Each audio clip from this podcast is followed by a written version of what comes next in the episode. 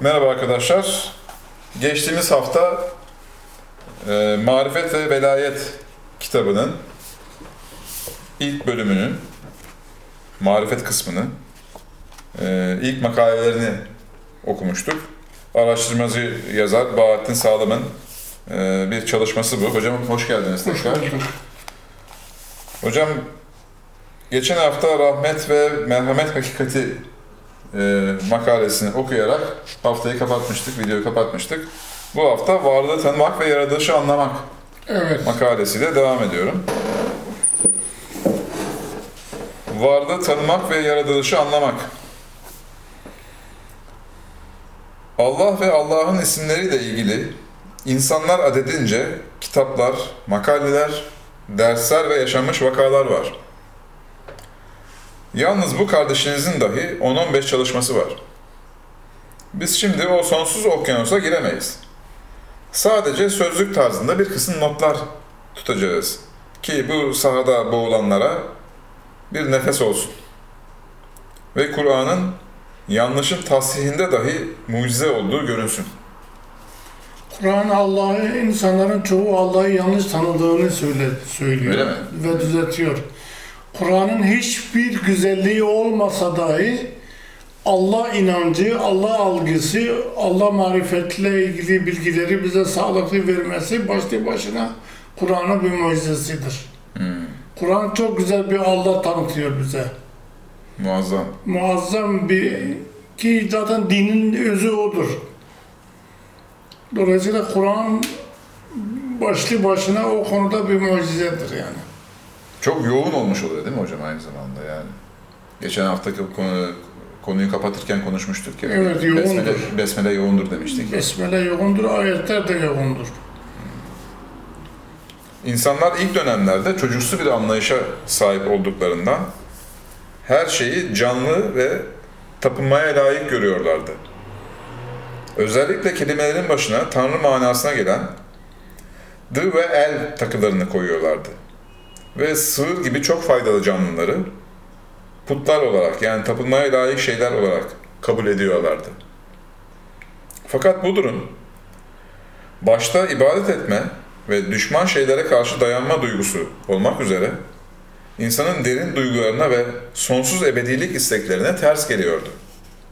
İnsanların insanın putlara dayanması, eksik ve yanlış ibadeti dengesizliğe yani zulme sebep oluyordu.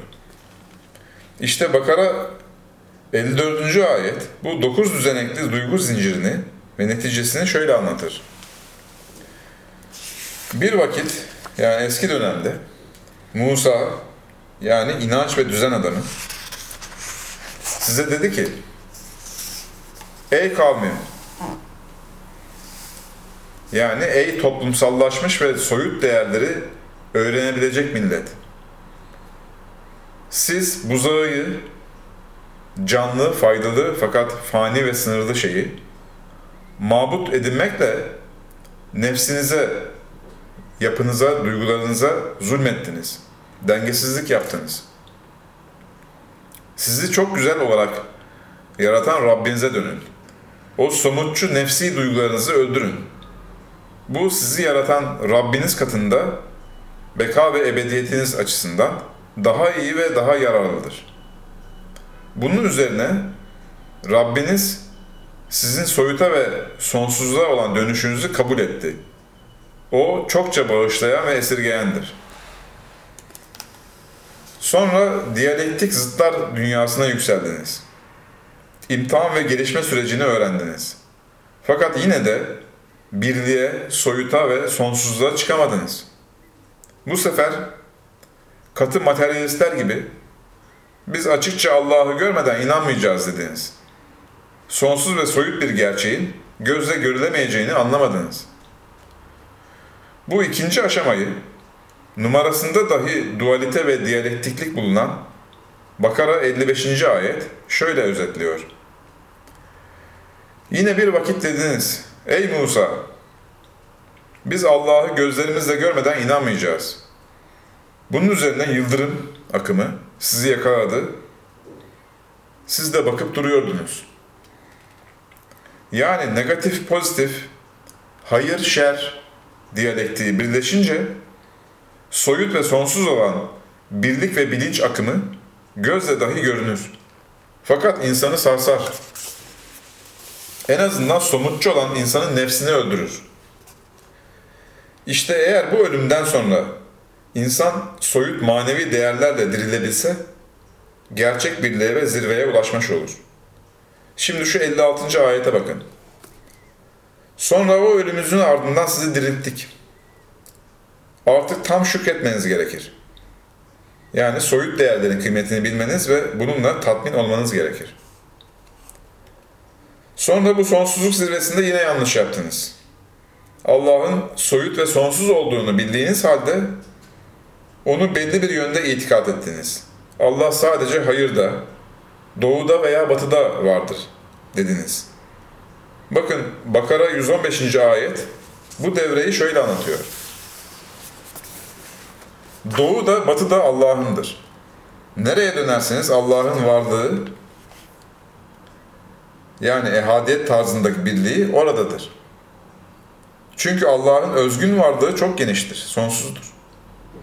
Onun varlığı ilim yani bilgi ve bilinç olduğu için sonsuz ve soyuttur. Bu ayette geçen vecih, vecih yüz Yüz demek kendi zatını Allah nur, nurani, ışınsal olduğu için Evet hocam. ışık türünden olan şeylerin veçi güneş gibi kendi varlığı, özgün varlığı demek oluyor. Bu dipnotta şöyle bir şey belirtmişsiniz hocam. Onu okuyayım dilerseniz. Buyur. Ayette geçen vecih, e, yüz nurani, ilmi, sonsuz varlıkta Sons- tecelli eden ilim ve bilincin tümü demektir. evet sadece yüz demek değildir. Hı, Bütün dilciler bu konuda müttefiktir. evet. Zat kelimesi ise hem dişil hem de sınırlılık ifade ettiğinden Kur'an onu kullanmamıştır. Yüz ise daha çok manevi ve sonsuzluk ifade eder. Bununla beraber zat kelimesini kullanmak caizdir. Çünkü birliği ifade eder ki sayısal sembol olarak 1101 ediyor. Onun yüzü manasına gelen ve şehu ise 19 ediyor diye burada rakamsal 19 tarafı Kur'an'daki Olarak da- 19 sistemine bir vurgudur. evet hocam. Allah'ın bir yansıması. Kur'an'da Allah isimleri 2698 galiba yanlış değilse. 19'un katı yine. Yine 19'un katı. 19'un katı. Allah'ın veçi 19'un katı olarak geçmiş. Peki bu e, yüz manevi ve sonsuzluk ifade eder yazmışsınız ya. Nurani olduğu için Allah, Allah nur olduğu için nurani şeylerin güneşte olduğu gibi güneşin yüzü demek onun bünyesi demek, kendi zatı demek. Kendi üzgün varlığı demek. Özgün varlığı. Üzgün varlığı demek. Bu yüzden mi her insanın yüzü farklı birbirinden? Yani onu bağlayabilir miyiz burada bir şey? Yüz, Yaratılmış bütün insanların yüzü var. Sadece yüz değişikti. Değil mi? evet, sadece yüz farklı. Geri kalan her şey birbirine benziyor işte. Bütün hayvanların benziyor değil. Retinaları farklı, ses telleri farklı, Çok parmak izleri farklı. Yani farklılıklar bir, birkaç noktada var. Özgünlük yani oralarda ortaya çıkmış. Parmak izinde, retinada, yüz, yüzde. Yüzde. Devam ediyorum hocam. Gelişmenin devamını Bakara 116, 117 ve 118. ayetler şöyle anlatır. Fakat siz Allah'ın sonsuz ve soyut bilincin tecellisini onunla aynı olarak kabul etmeniz gerekirken o tecellileri Allah'ın evladı olarak gördünüz. Yani Allah'ın maddi ve doğurgan bir varlık olarak bildiniz. Halbuki göklerdeki yani metafizik alemdeki ve yerdeki fizik dünyadaki her şey O'nundur. O'nun tecellileri O'na bağlı ve O'nun emriyle hareket ediyorlar. Yani ayrı ayrı vücutlar ve varlıklar yok. Varlık bir tanedir ve sadece O'dur. Evet, İnsanların varlıklar ve mevcudat dediği hakikatlere Kur'an varlık ve vücut demiyor. Onlara tecelli, şuun ve eşya diyor. Eşya Allah'ın isteğiyle yaratılan demek. Eşya risaleler çok sık Şey geçiyor. kelimesinden gelir. Hmm. Meşiyet istek demektir. Allah'ın isteğiyle yaratılan şeyler. demektir. Allah sadece gökler ve yer olarak güzel şekiller ve eşya yaratmış. Çünkü varlık birdir, sonsuzdur. O bu sonsuz varlığından özel bir şeyi, yani umumi dosyadan ayrı bir dosyayı yaratmak istediğinde sadece ol ile yaratır. Bütün olarak sisteme bir emir verir, sistemde yeni bir dosya oluşur. Fakat dindarlar bu sonsuz mucizevi dosyaları hurafe olarak baba oğul şeklinde anlatınca Hristiyanlarda olduğu gibi veya bu evrensel hakikati kuru bir teizm olarak insanlara dayatınca Müslümanların yaptığı gibi hiçbir şey bilmeyen, gelişmiş oldukları halde zihnen ilkel kalan dinsizler şöyle sorun oldular. Bu konuda bir şey bilmeyen Mekkeliler dediler ki, neden Allah bizimle konuşmuyor? Veya bize bir mucize gelmedi? Bunlardan önceki ilkeller de kendilerine gelen peygamberlerine öyle dediler. Kalpleri, anlayışları tıpatıp aynı. Halbuki araştıran bir toplum için biz ayetlerimizi, belgelerimizi açıklamışız. Sınav ve imtihanın gerektirdiği kadar. Bu neden Allah bizimle konuşmuyor veya bize bir mucize gelmedi diyenlere kalpleri anlayışları tıpatıp aynı diyor ya ayette. İlkellik işte. İmtihan sırrını bilmemek, imtihanın kapalı olduğunu bilmemektir bu.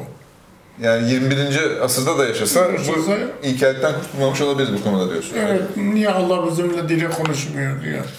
O zaman Allah seni denememiş oluyor. Sen denenmek için yaratıldın. İmtihan için yaratıldın. Din bir miktar kapalılık ister. Ki şey bozulmasın. Ee, imtihan sırrı bozulmasın. Gelişme sistemi bozulmaz. Allah'ı bilmek için şu iki ayet çok önemlidirler. Birinci ayet olumlu bir konuyu anlatır. Diğeri ise olumsuz bir davranışı anlatır. İkisi bir arada hakikati tam olarak çerçeveliyor. Çünkü insanın zihni diyalektik olarak yani zıtların çatışmasıyla çalışır. Allah sonsuz ve soyut olduğundan ne fizik ne de metafizik alemde hiçbir şey ona gizli kalmaz. Bu iki boyutu güzel bir şekilde belgeleyen insanın ana karnındaki şekillenişidir. Bu şekilleniş Allah'ın birliğini, sonsuz güç sahibi olduğunu ve hikmeti icabı belli yasalarla iş gördüğünü gösterir. Ali İmran suresi 4. ve 5. ayetler. Demek bu soyut yetkinliği maddi güç ve yasalar ile beraber işleri bilerek irade ve idare eden bir bilinci görmeyenler çevreci geçinseler dahi materyalist olduklarından onlar sonsuzluğa, soyuta ve manevi değerlere düşmandırlar. Bu gerçeği de Bakara 98. ayet şöyle ifade ediyor. Kim Allah'a yani soyut ve sonsuz değerlere ve meleklerine, metafizik ve ruhani değerlere ve peygamberlere yani düzen ve liderlere ve Cebrail'e, vahiy, bilim ve iletişime ve Mikail'e, ekolojik çevreye. Düşman ise işte Allah da onun düşmanıdır. Demek böyle olanlar soyut, sonsuz ve temiz hiçbir değeri soluyamayacaktır. Kirlilik ve dumanlar içinde boğulup gidecektir. Evet asrımız sanayi, medeniyet ve ekonomik yapısıyla bilerek veya bilmeyerek bu dört temel değere savaş açmıştır. Ey ehli kitap! Dininizde aşırı gitmeyin. Gerçek olmayan şeyleri Allah'a iftira etmeyin. İsa İbni Meryem, yani insanlığın doğurduğu vahiy, ilahi bir elçiliktir. Allah'ın sözü ve onun ruhudur. Varlığın mantığı ve kanunudur. Artık Allah'a da yani sonsuza da, peygamberlerine de yani sınırlı somut dosyalara da birbirinden ayırarak inanın. Karakolu devlet ile bir tutmayın. O sizin güzel bir sözünüz. Fakat birliği de bölmeyin. Allah üçtür demeyin. Devlet ve bakanlıkların birbirinden ayrı şeyler olduğunu sanmayın. Devlet birdir, diğerleri onun isimleridir, ortağı değiller. Eğer bu üçü özde ve realite olarak bir bilirseniz bu sizin için daha yararlı olur. Bu da Nisa suresinin içeriğiymiş hocam. Nisa Evet. suresi 171. ayet. Bu da 19'un 9 katı galiba. Evet, vahiy ile ilgili bilgiler 19 ile ilgili bilgilerdir. İlginç tespitler. Demek imanın sonsuz mertebeleri olduğu gibi küfrün de sonsuz derekeleri vardır. Dereke nedir hocam? Aşağı iniş basamakları, Mertebe yükseliş basamakları mıydı? mertebe yükseliş basamakları, derece Derece. yükseliş basamakları, dereke ise alçalış basamakları. Alçalış basamakları. Bu hani Osmanlıca mıdır, Arapça mıdır? Arapçadır. Arapçadır. Yani bilmeyenler için Arapçadır. güzel açıklamalar, evet. Allah sadece Mesih İbn Meryem'dir diyenler kafir oldular. Sonsuz ve soyut bir değeri sınırlandırdılar. Maide suresi 17. ayet. Demek eğer sadece demeseler veya Mesihiyet demek olan İsa'nın maddi yönünü kastetmeseler, yani Allah'ın sonsuzluğuna bir halal getirmeseler, Müslüman sünniler gibi Allah ve kelamı birdir. Dolayısıyla Kur'an Allah'ın kelamı ve logosu mahluk değildir diyebilirler. Yani eğer gerçekliğin ifadesi olarak işi ete kemiğe değil de sonsuz olan vahiy itibariyle yani logos itibariyle diyebilseler o zaman mahluk değildir diyebilirler. Evet. Öyle mi? İsa vahiydir, canlı vahiydir. Bu konu çok karmaşık olarak algılanıyor hocam. Etten kemikten birisi anasız babasız, şey annesiz değildi pardon. Babasız nasıl doğabilirdi şeklinde. Allah'ın tetiklemesiyle oldu. Yani bunun canlı bir vahiy olarak Olağanüstü. olağanüstü. Yani yasal durumlar var, bir de yasaüstü durumlar var. İsa'nın yaratılışı yasaüstü durumdur. Onun için canlı vahiydir, logostur. Kur'an da öyledir. Mesela Kur'an'ın bir benzeri getirilemedi şimdiye Evet. kadar. O da olağanüstüdür. Kur'an Allah'ın kelamıdır ki Allah'ın kelamı ise zatıyla aynıdır demiştir. Ve ne aynıdır ne gayrıdır. Yani sıfatıdır. Dolayısıyla Allah'a ilave bir şeydir. Yaratılmış değildir Kur'an, mahluk değildir demiştir. O yüzden burada da onu belirtmişsiniz. Evet, Değil mahluk değildir. Ayetin diğer cümlelerine işaret ettiği gibi Allah'ı sadece İsa'ya indirgemek, eksiklik ve suç olduğu gibi kelamcıların söylediği gibi Allah'ı varlığın ötesinde üçüncü bir kategori olarak bilmek de eksiklik ve suçtur. Bütün varlığı Allah olarak bilmek lazım. Bütünü görmek. Bütünü görmek lazım. Yani sıfatıyla, sıfatlarıyla Allah birdir. Kendisi sıfatlarıyla birliği vardır. Bu kapsama sorununu çözmemiz gerekiyor o zaman bizim. Devletin her şeyde egemen olduğunu bilmek lazım.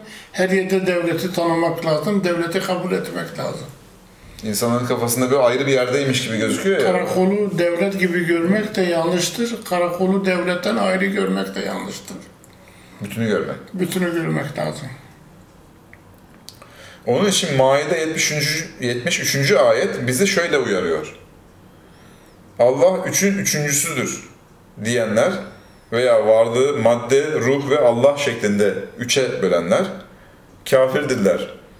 Eğer bunlar gelişip bu eksik algıdan kurtulmazlarsa onlardan kafir olanlara çok acıklı bir azap dokunacaktır diyor. Maide 73. ayet. Evet. Son cümlenin sayısal değeri 2142'dir. Onlardan manasına gelen minhum hariç demişsiniz burada. Çünkü kıyamette veya kıyamet gibi büyük musibetlerde azap umumi olur. Burada kafir oldular sözü, gerçek kafir demek olan Allah'a, ahirete, peygamberde, ameli salihe inanmayan manasında değildir. Sadece sonsuz varlığı sınırlandırdıkları için burada onlara kafir denilmiştir. Nitekim eksiklikleri olmakla beraber Allah'a, ahirete, peygamberlere helal ve harama inandıkları için onlara ehli kitap denilir. Kur'an bu vasıflara sahip ehli kitap ile müşrikleri asla bir tutmamıştır. Şimdi Müslümanlar Hristiyanları, Yahudileri kafir biliyor ama buradaki kafir bizim bildiğimiz manada kafir değil. Yani, yani burada e, surede, ayette kafir geçiyor ama Sonsuzluğu anlamadı, dolayısıyla sonsuzluğu anlamayan azabını çekecektir. Sonsuzluğu anlamamak başlı başına bir azaptır zaten. Varlık kaygısını gidermiyor çünkü sonsuzluğu anlamadığın zaman. Varlık kaygısını çeken o varlık kaygısı başlı başına bir azaptır. yani özel bir e, ateş Yani ateş çukuruna gitmesine Gerek yok, ona gerek yok. Ayrıca bir cehenneme gitmeye gerek yok. Yani varlığı anlamadığın zaman zaten cehennemin içinde olmuş oluyor. Cehennemin içinde oluyor. Varlığı anlamadığın zaman, varlık kaygısını gideremediğin zaman başlı başına bir cehennemdesin.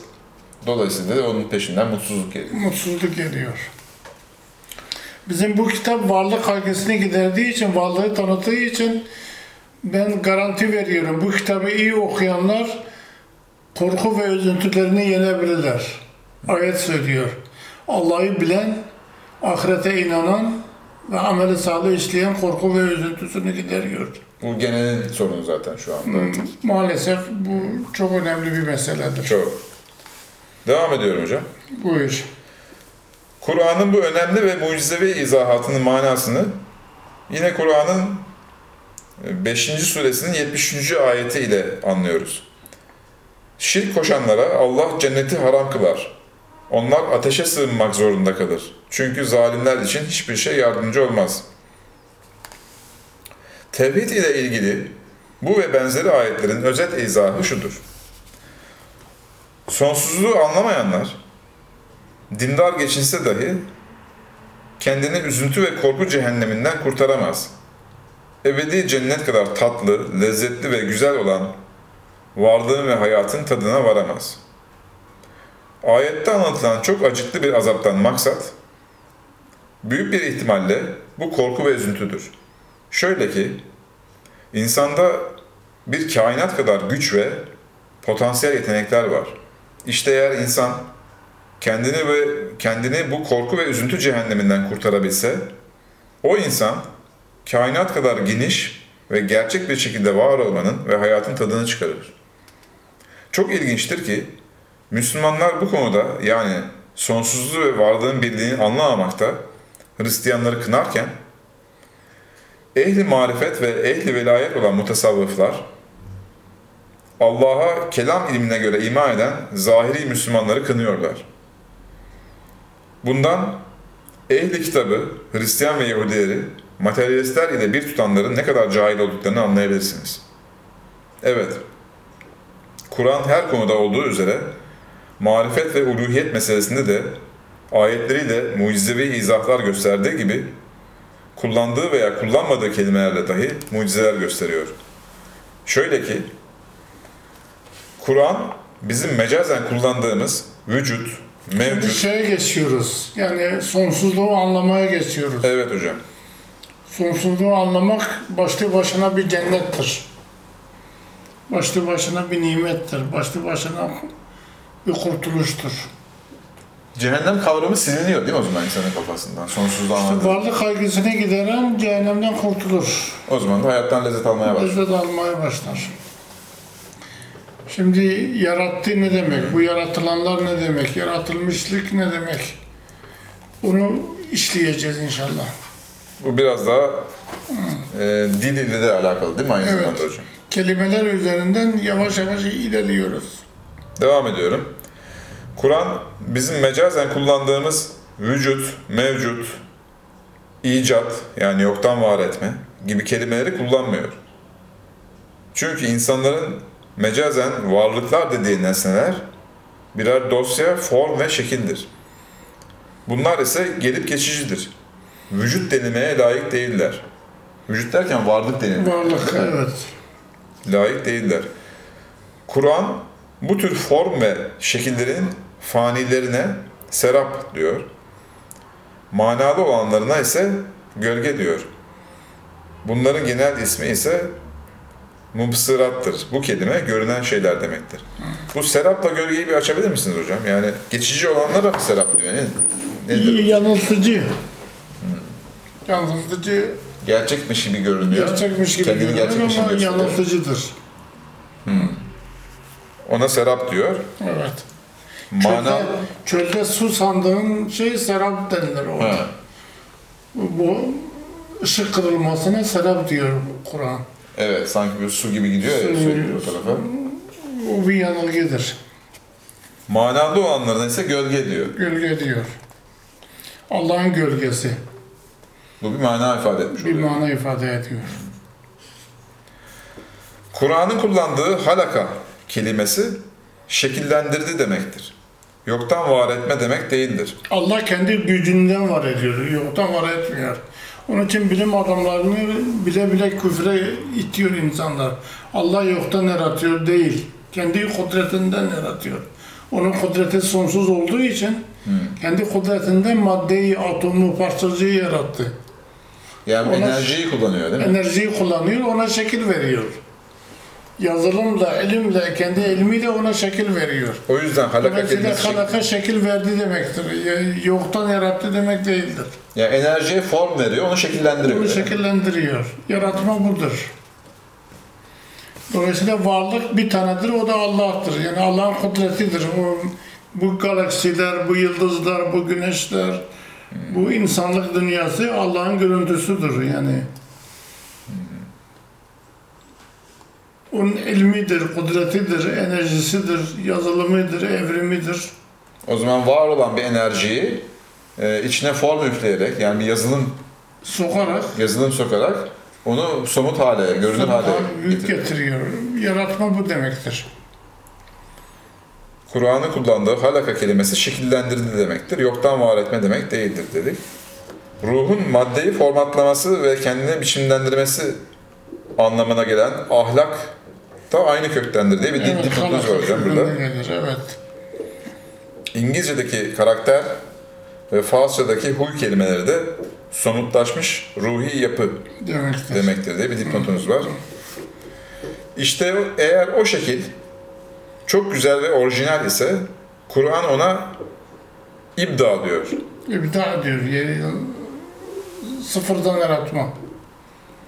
İbda. Şekil sıfırdan yaratılıyorlar. Çok güzel şekil. Şekli güzeldir. Enerjisi sabittir zaten. Enerjisi yoktan yaratılmıyor o şeyin. Ha bak aradaki Formu- anlayalım orada evet. Formu sıfırdan yaratılmıştır. Mesela gökleri sıfırdan yarattı. Yani eskiden gökler diye bir şey yoktu. Yeri sıfırdan yarattı. Ve diyor semavati vel ardi.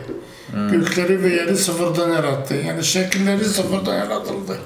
Ama şekil Enerjileri sabittir. Enerjileri o Allah'ın kudretidir zaten. sıfırdan yaratılmış olan şekli Şekli zaten var olan enerjiye püskürttü, ruh yaptı ona. Karakter o yaptı. somutlaştı o zaman. Ruh yaptı. Eğer o şekil genetik, canlı ve ekolojik bir plan ve kadere bağlı ise halaka fiilinden sonra onun planladığı yani yazılım haline getirdi der. Fekadderahu takdira Evet. deyimini kullanır. Evet. Kur'an bu görünen ve görünmeyen varlıklara ilahi şuunat, nitelikler der. Çünkü varlık olarak hak sadece birdir. Diğer dosyalar, eşyalar ve nesneler onun şuunatıdır, Nitelikleri demek. nitelikleridir. Bu nitelikler eğer sabit ve görünebilir bir realiteyi temsil ediyorsa onlara esma denilir, Allah'ın isimleri denilir. İsimleri oluyorlar. Dolayısıyla her galaksi Allah'ın bir ismidir. Her güneş Allah'ın bir ismidir. Her gezegen Allah'ın bir Öyle ismidir. oluyor? İnsanlık Allah'ın bir ismidir. Hak ismi. Hakkaniyet ismi, kanun ismi. Nitelik olduğu için, Evet. değil mi? O zaman diyebilir miyiz? Nitelik içeren her şey Allah'ın ismidir. Evet, her şey Allah'ın ismidir. Allah'ın ismi de kendisiyle aynıdır yalnız. Ondan ayrı değildir. Devletin karakoldan ayrı olmadığı gibi. Karakolun devletten ayrı olmadığı gibi. İlginç. Nitekim devletin isimleri kağıt üzerindeki kelimeler değildir. Okullar olarak şekillenen milli eğitim ve hastaneler olarak şekillenen Sağlık Bakanlığı gibi gerçek değerlerdir. Allah'ın isimleri de böyledir. Onun isimleri sadece lafzi sözcükler değildir. Adem'in isimleri bilmesi, bu dosya ve eşyayı tanıyıp onlara sınır koyup birer kelimeyle onları şifrelemesi demektir. Ki insanoğlu yani Adem gerçekten bu işi iyi becermiş ve meleklerden üstün olmuştur. Evet isim kelimesi damga, kabaran ve beliren nesne ve yükselen değer demektir. Ki insanın bu konuda meziyetleri arttıkça maddi ve manevi kemalatı tecelli eder. Eğer insan isimde boğulup müsemmanın yani ismi sahibinin künhünü, özünü bilmezse isim olan o şey kuru bir laftan ibaret kalır. Onun için Kur'an Yusuf ve Necm surelerinde putlara kuru isimler diyor. Gerçekten Allah'tan ayrı düşünülen tabiat, madde ve benzeri ideolojik isimler içi boş ve hiçbir gerçeklik ifade etmeyen sözcüklerden ibaret kalır. Tabiat ve madde eğer Allah'ın ismi olarak ele alırsan sonsuz bir enerjiyi temsil ediyor. Sonsuz bir bilgiyi temsil ediyor. Sonsuz bir iradeyi temsil ediyor. Bir işe yarıyor, bir mana ifade ediyor, bir varlık oluyor, bir cennet oluyor. Onun gölgesi olduğu için böyle bu şekilde bakınca değil mi? bakınca. Ama tek başına ele aldığın zaman kuru bir isim oluyor. Tabiat ve madde nedir tabiat? Ne? Bir, onda bir bilinç var mı? Kendi bilinci var mı tabiatın? Naturalistler falan o şekilde bakıyor mesela. Yani işte karanlık bir isim oluyor, kuru bir isim oluyor. Müslümanlar da diğer Orta Doğulu dindarlar da mutasavvıfları hariç genelde Batlamyus'un hayali astronomisi tesirinde kalarak mecaz olarak kullanılan arş, kürsi ve semavat yani gökler tabirlerini yanlış anlamışlar. Kürsi Türkçe'de sandalye demektir. Ontolojik olarak Yani şöyle bir Allah algısı var işte gökler var, göklerin üzerinde arş var, böyle bir sandalye var. sandalye var, bir taht var, tahtta Allah oturuyor. Orada oturuyor böyle izliyor gibi. İşte bu, bu Allah algısı Kur'an'ı bir algı değildir. O Batlamyos'un algısıdır. Batlamyos'un kozmolojisidir o. İslami değil, dini değil. Yani Batlamyus'un kişisel algısı öyle oluyor. Coğrafyasıdır.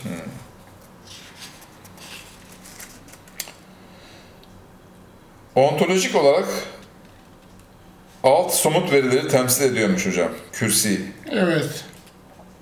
İki hadiste bu kavram Allah'ın ilmi, Allah'ın ilmiyle biçimlendirdiği formlar ve Allah'ın ayağını koyduğu yer olarak tarif edilir.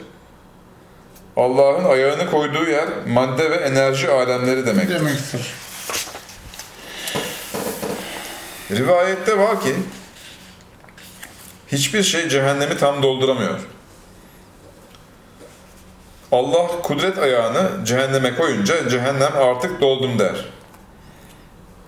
Evet bu hadis Allah'ın sınırsız, soğuk ve yakıcı olan uzayı başta kara enerji ve kara madde olmak üzere binbir enerji çeşidiyle doldurduğunu ifade ediyor.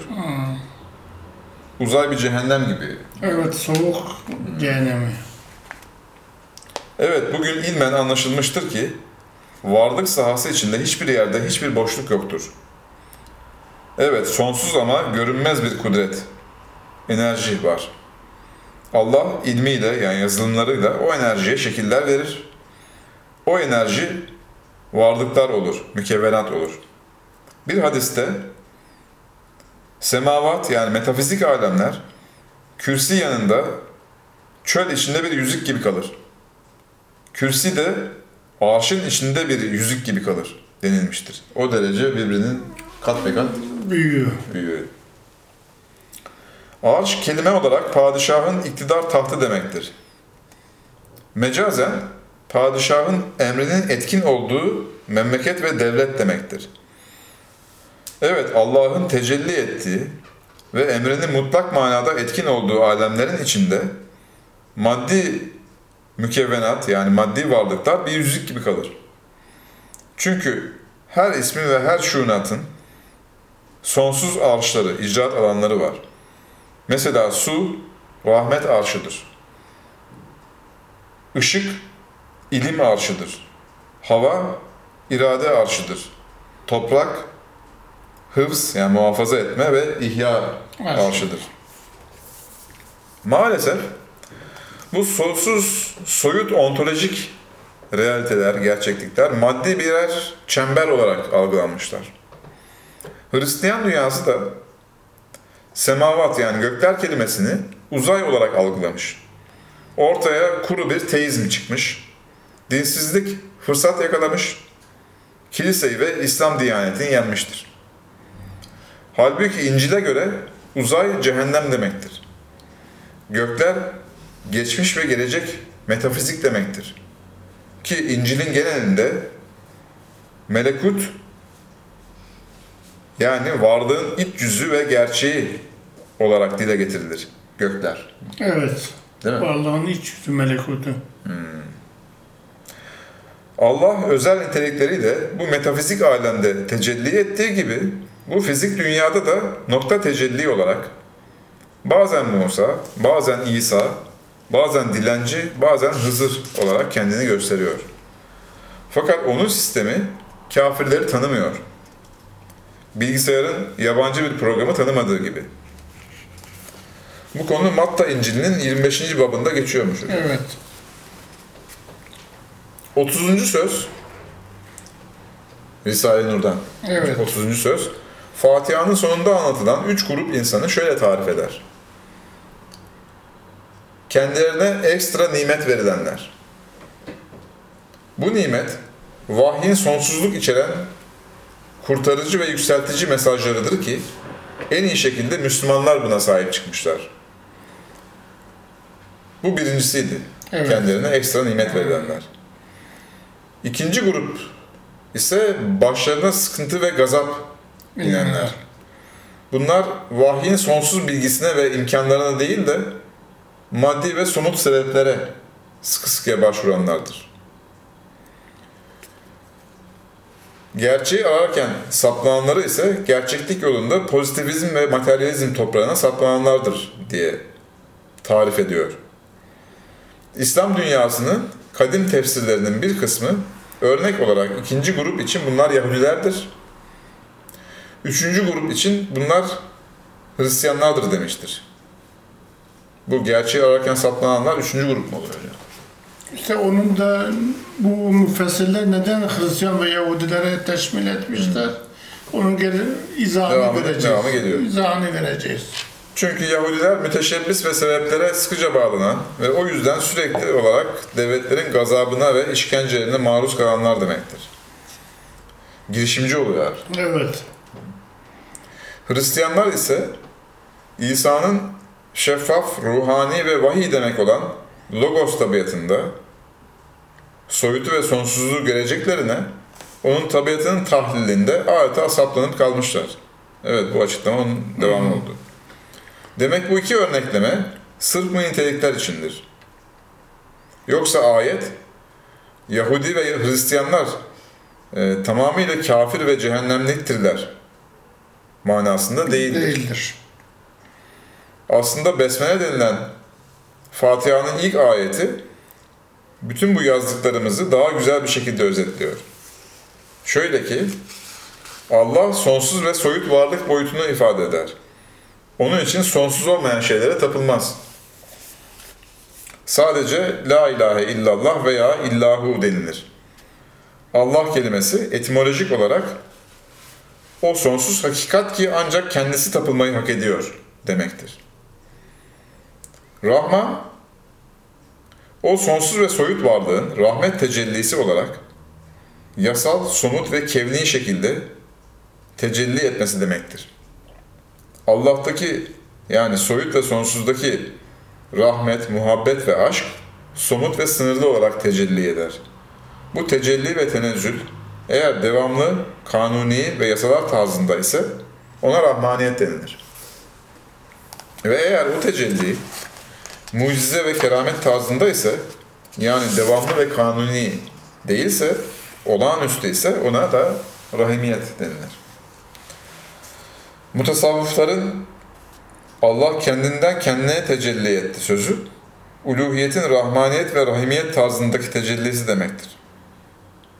Evet, gerçekte bir olan kadın ve erkeğin nisbi farklılıkları nasıl bir aşk doğuruyorsa, teşbihte hata olmasın. Allah'ın soyut varlığı somuta aşıktır. Ve somut varlığı ise o sonsuzda aşktan da öte tam bir bütünlük arz eder. Bununla beraber bu ifade Allah narsisttir manasına gelmez. Sonsuz numuneleriyle sonsuz olan bu somut tecellilere Allah'ın arşı denilir. Ki onların en büyük somut tecelli aynası Hz. Muhammed'dir. Burada çok takılıyor insanlar hocam. Yani Allah'ın arşı, en büyük somut tecelli aynası Hz. Muhammed'dir denildiğinde insanlar neden bir insana, bizim gibi bir beşere e, bu Hazreti derece anlam yükleniyor diye. kişiliği var. Bir Ee, peygamber kişiliği var, bir devlet başkanı kişiliği var. Bir de insan kişiliği var, beşer kişiliği var. Bu Hz. Muhammed'in beşer kişiliğini kastetmiyoruz burada. Tamam. Onun devlet başkanı ve peygamber kişiliğini kastediyoruz ki insanlığı Manevi şahsiyeti. manevi şahsiyetini kastediyoruz. İşte 1400 yıldır 20 tane medeniyet ve devlet ve imparatorluk kurmuş ve Batı'nın uyanmasına sebep olmuş Evet. bir hakikattir.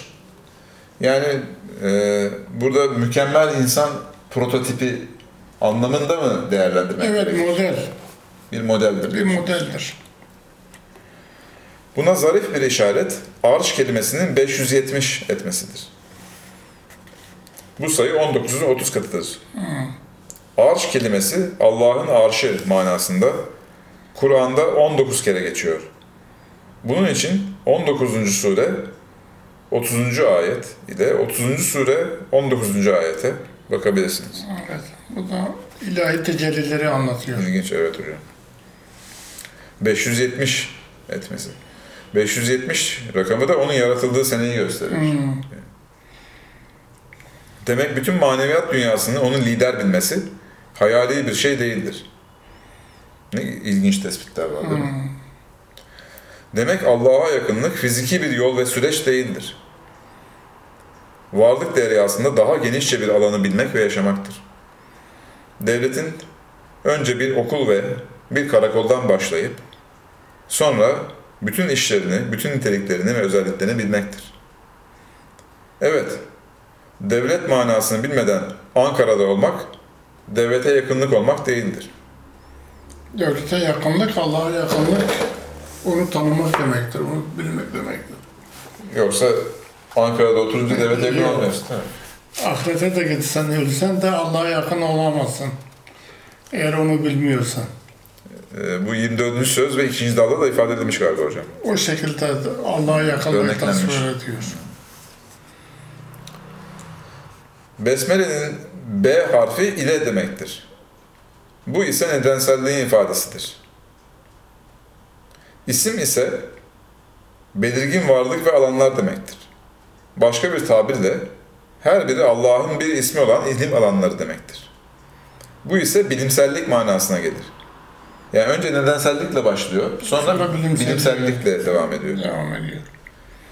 Demek Allah'ı yani sonsuzlu ve soyut değerleri bilmek, o değerleri diyalektik ve somut dünya hayatında başarılı bir şekilde yaşamak, eğer e, bu sıcak hayat fırınında insan çok yanar ise Allah'ın ekstra ilgisi ve lütfu olan rahimiyeti hak etmek için en başta nedensellik ve bilimsellik gerçeklerini basamak yapmak gerekir.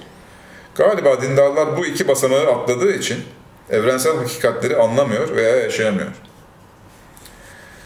Hulasa Allah cemal denilen sonsuz gizli soyut boyutuyla beraber celal denilen sonsuz somut ve daimi yasaların bütünü demektir.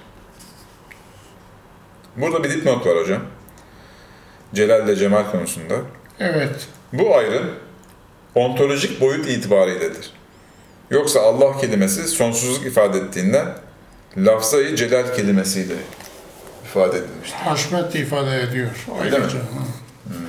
Sonsuzluğu ifade ettiği için celal, büyüklük, yücelik, aşkınlık ifade eder.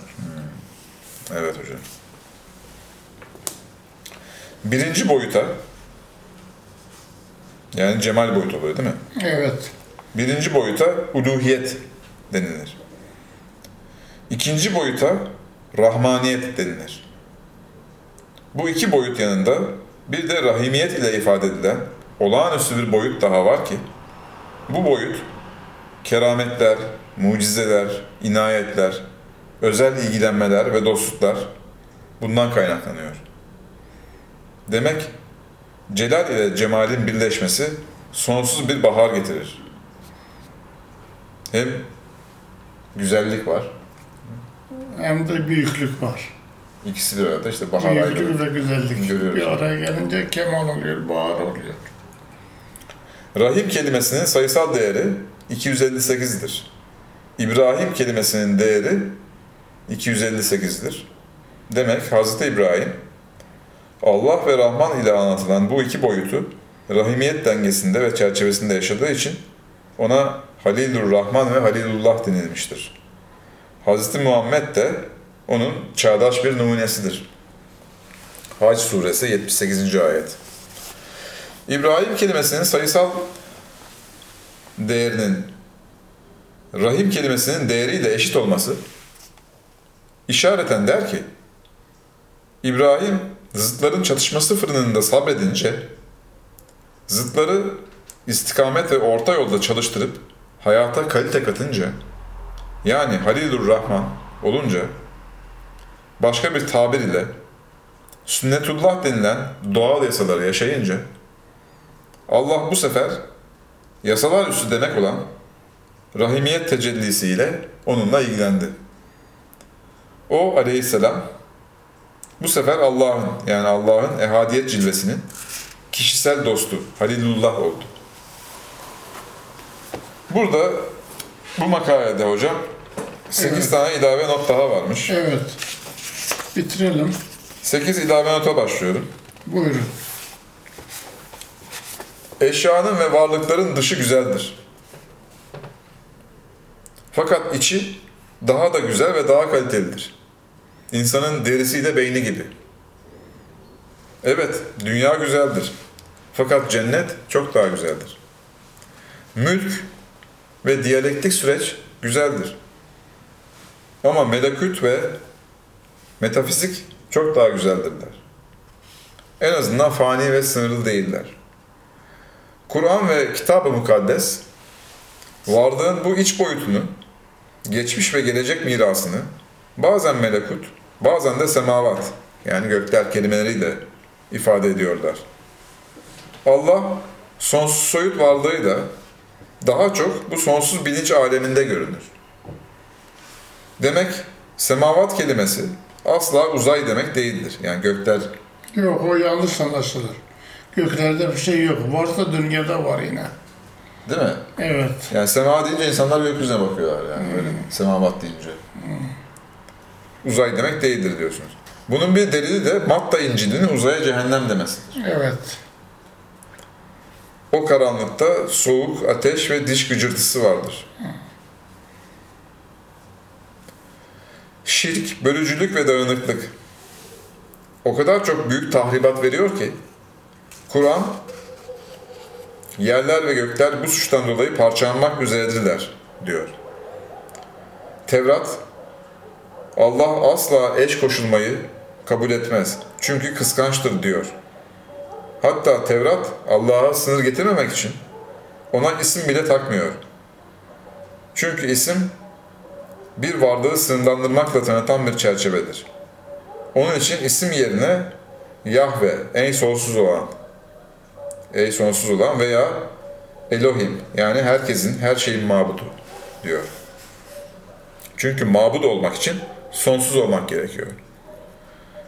Evet, Tevrat Allah'a sınır koymamayı, Allah'ın ismini ağzına almamak diye on emir içinde sayıyor. On emrin içinde bu da var. Evet, bir tanesi o. Allah'ın ismini ağzına alma. Almamak. Ve Kur'an sırf bu nükte için 2698 kere doğruymuş. Allah ismini tercih ediyor. İbranice olan bu iki ismin açılımı şöyledir. Yahve Yahüve'dir. Evet. Elohim Elo ilah Him herkes yani herkesin Allah'ı olan. Müşrikler somut bir kişilik olarak Allah'a inanıyorlardı. Fakat bütün kainattaki varlıkları ve eylemleri ona eş koşuyorlardı. Kainatın ve somut olayların Allah'ın rahmaniyetinin tecellisi olduğunu kabul etmiyorlardı. Soyutta da somutta da sonsuz bir birlik ve tevhid inancı onların acite edilmiş benliklerine uymuyordu. Onun için Kur'an Furkan suresinde Rahman'a secde edin diye emredince müşrikler Rahman da kim demediler. Rahman da ne dediler. Ve kim ve ne arasındaki farkı burada Evet. Allah'ı nesne gibi algılıyor. Madde, varlık, maddi varlık gibi algılıyor. O yüzden ne demişler? Bilinç olarak algılamıyor. Rahman'da ne demişler. Varlığın soyut ve somut birliğini ve bu birliği sağlayan sonsuz ilim ve bilinci anlamadılar. Bilinçsiz eşya için kullanılan ne edatını kullandılar. Bu aslımızdaki bilim adamları da müşrikler gibi sonsuz bir enerjiyi görüyorlar. Fakat onun içindeki sonsuz bilgiyi, yazılımı ve iradeyi yani sonsuz gelişme ve açılım isteğini görmüyorlar. Dindarlar ise benzeri bir eksikliğe girip kudret, ilim ve iradenin birliğini anlamıyorlar. Halbuki Allah'ın kudreti, enerjisi, ilim ve iradeyi içerdiği gibi iradesi de ilmi ve kudreti içerir. Yani Allah'ın sistemi ve yaratması bütüncül ve mükemmel olduğundan Allah'a kadim Arapçada kamil ve mükemmel yerine Hamid ve Mahmud denilmiştir. Osmanlıca'da ise kamil ve mükemmel kelimeleri Mahmud ve Hamid manasında kullanılır. Evet, bugünkü dünyada eğer dinsizler ve dindarlar bütüncüllüğü, hiç olmazsa kudret, ilim ve iradenin bütünlüğünü bilseler, dünya yeni bir çağa girmiş olur. Barış ve selam çağı, kemalat çağı. Evet, müşriklerin şirk ve putperestliği bir ilkellik ve büyük bir suç ve gerilik olduğu gibi dindarların ve ehli de bu bölücülüğü daha büyük bir suçtur. Cehennemi gerektirir.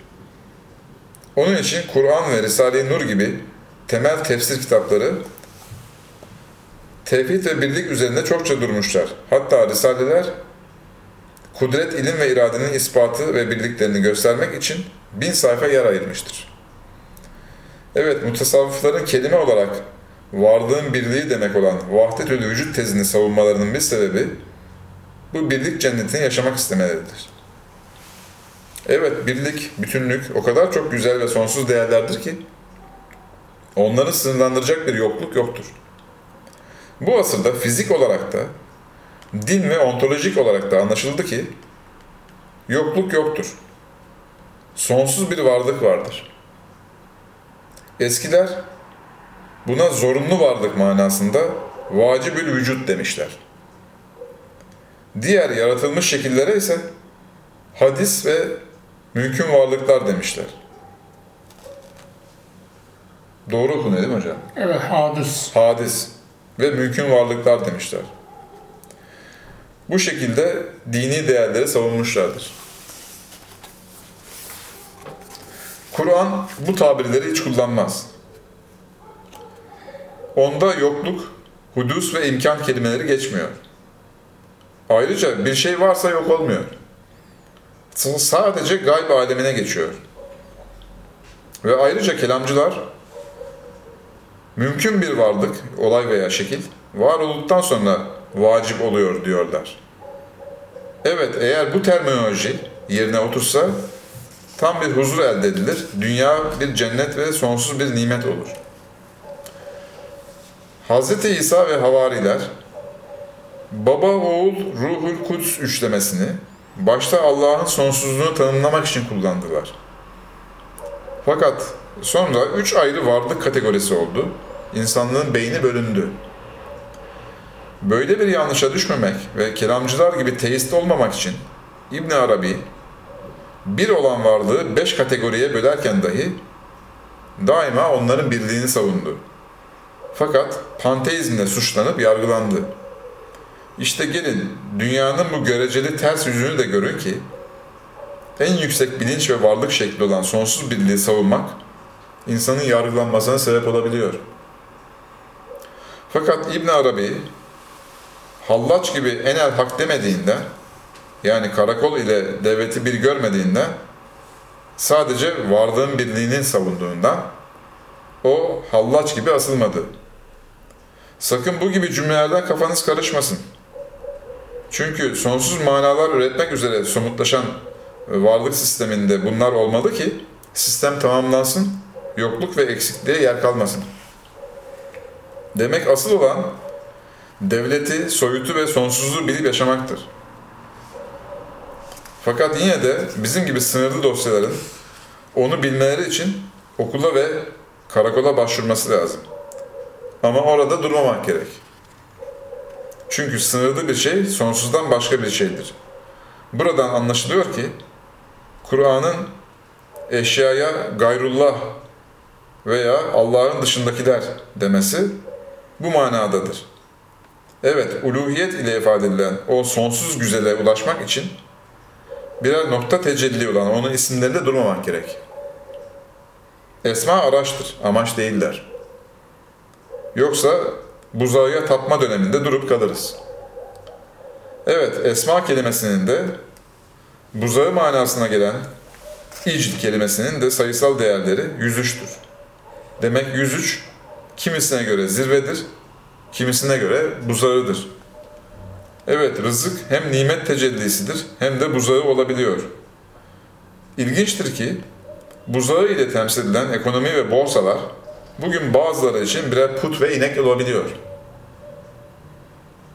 İsimde kalmak bir nevi putperestlik olduğu için La ilahe illa sözünde sonsuzluğun ifadesi olan Allah ve Hu kelimelerinden başka isimler kullanılmıyor. Demek birlik, bilinç, sonsuzluk esastır. Buna ulaşmak için ibadet gibi bizi sonsuza entegre eden bir makama çıkmamız gerekir.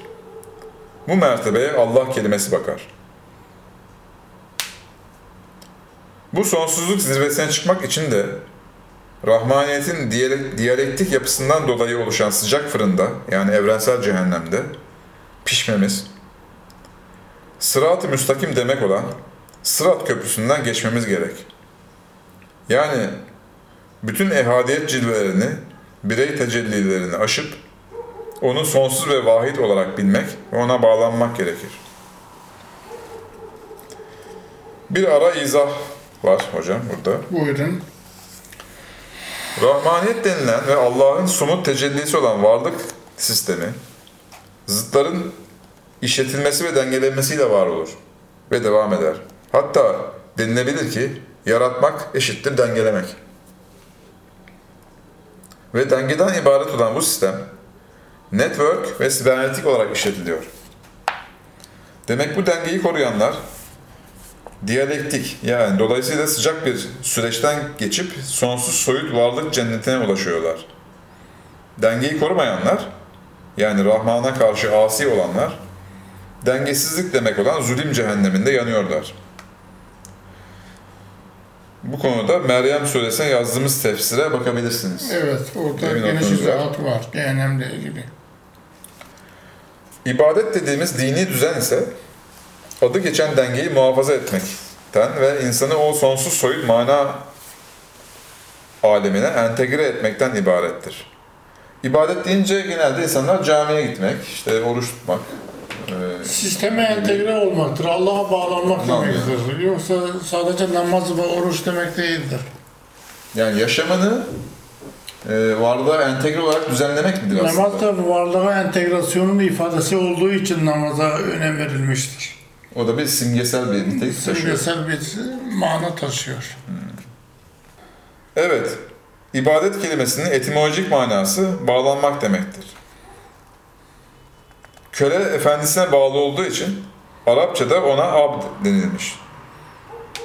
Abd kelimesinin sayısal değeri 76 ediyor.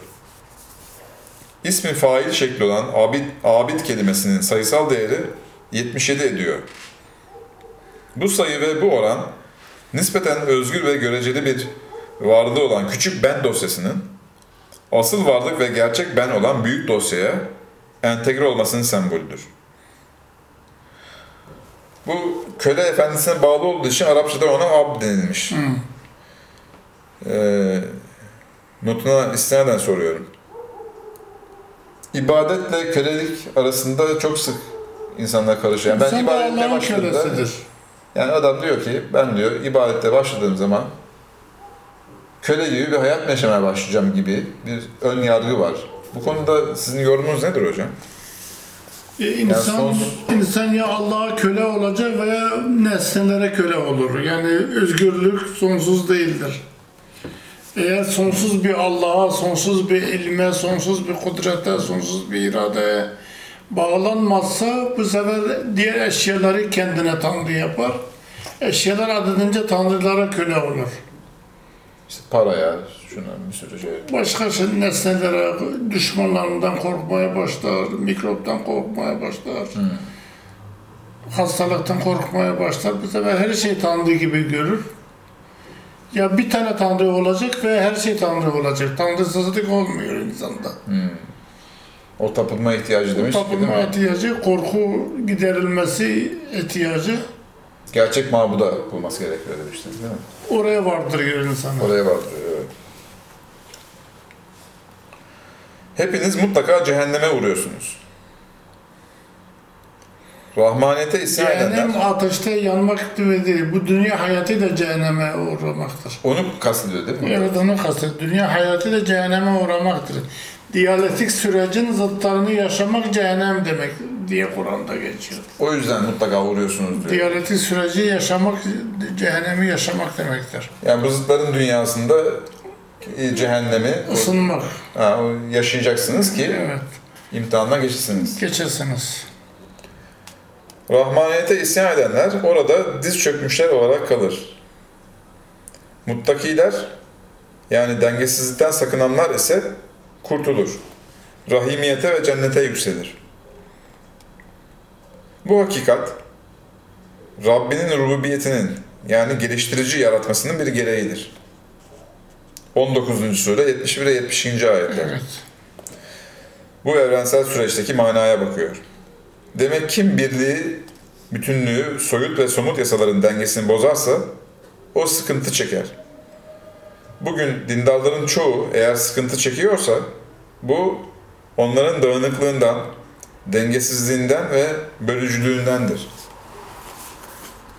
Son bir not. Da bu makale kapanıyor hocam. Buyurun.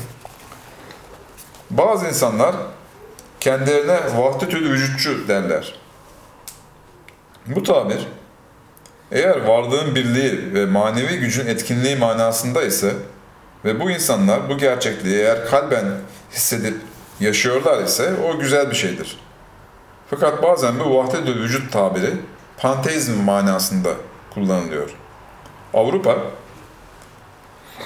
Ateizm yani her nesneyi Tanrı görmek yanlıştır. Çünkü Tanrı sonsuz ve soyuttur özünde. Somut boyutu da sonsuzdur. Yani kainat sonsuzdur mesela. Somut boyutuyla da kainat sonsuzdur. şu an hala mesela sonsuz mu, sonlu mu tartışmaları Ama bilim dünyasında devam bilim, ediyor. bilim dünyasının tercihi sonsuz olduğu olduğuna yöneliktir. Ona doğru gidiyor değil mi? Ona doğru gidiyor, evet. Dolayısıyla sınırlı maddi somut nesnelere tapılmaz. Panteizm sınırlı maddi nesneleri de Tanrı olarak görmek demektir. Vahdetül vücut Evet, sonsuzluğu anlamaktır. Panteizm Evet hocam. Panenteizmdir o. Burada detaylı bir izah yapmışsınız galiba. Avrupa panteizm kavramını, kavramını sadece maddi olanı ve maddenin birliği Manasında kullanıyor. manasında Kullanıyor. kullandığından mesele aşkınlığa, birliğe ve sonsuz soyut gerçeklik dediğimiz mutlak ilahi varlığa gideceğine kısır manada bir içkinliğe ve daha sonra da materyalizme varıyor. Varıyor. Ayrıca bu asrın insanları kendi benliklerini Firavun gibi birer tanrı olarak gördüklerinden vahdetül vücutçu olamazlar. Olsa olsa panteoncu olurlar. Bu kelime içinde birçok put ve heykelin barındığı anıt bina demektir. Panteon. Evet hocam. Batıdan bize gelen bu yanlış akım yanında bir de Hindistan'dan gelen ve kendilerine farkındalıkçılar diyen ikinci bir akım daha var. Ben başta bu farkındalık kavramından insanın kendi özünün ve varlığının sonsuzluğunun farkına varmasını kastettiklerini anlıyordum. Sonra gördüm ki Başta Oş olmak üzere onlar bu kavramı kendi benliklerinin Tanrı olduğunun farkına varmak diye kullanıyorlar.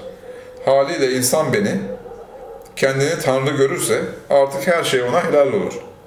Yani böyle bir algı insanı hakikate değil de önce ibahiye mezhebine yani her şey helaldir mezhebi mezhebine ve anarşizme sonra da nihilizm ve hedonizme götürür. Bu iyi bir açıklama oldu bu son Evet. nokta. Hocam, Allah sonsuz ve soyuttur. Dolayısıyla ancak ona tapılır. Sınırlı, somut şeylere tapmak putperestliktir, gericiliktir, ilkelliktir. biz bu e, kitabın marifet bölümünde bu makaleler adım adım onu tanımaya çalışıyoruz şu anda. Okuyacağız, aydınlanacağız. Hocam çok teşekkür ederiz. Bu hafta varlığı tanımak ve yaratılışı anlamak e, makalesiyle Marifet ve Velayet kitabının ikinci videosunu tamamladık. Teşekkür ederiz. Arkadaşlar ederim. e, haftaya Marifet ve Velayet kitabının üçüncü videosunda buluşmak üzere. Hoşçakalın. Videoyu izlediğiniz için teşekkür ederiz.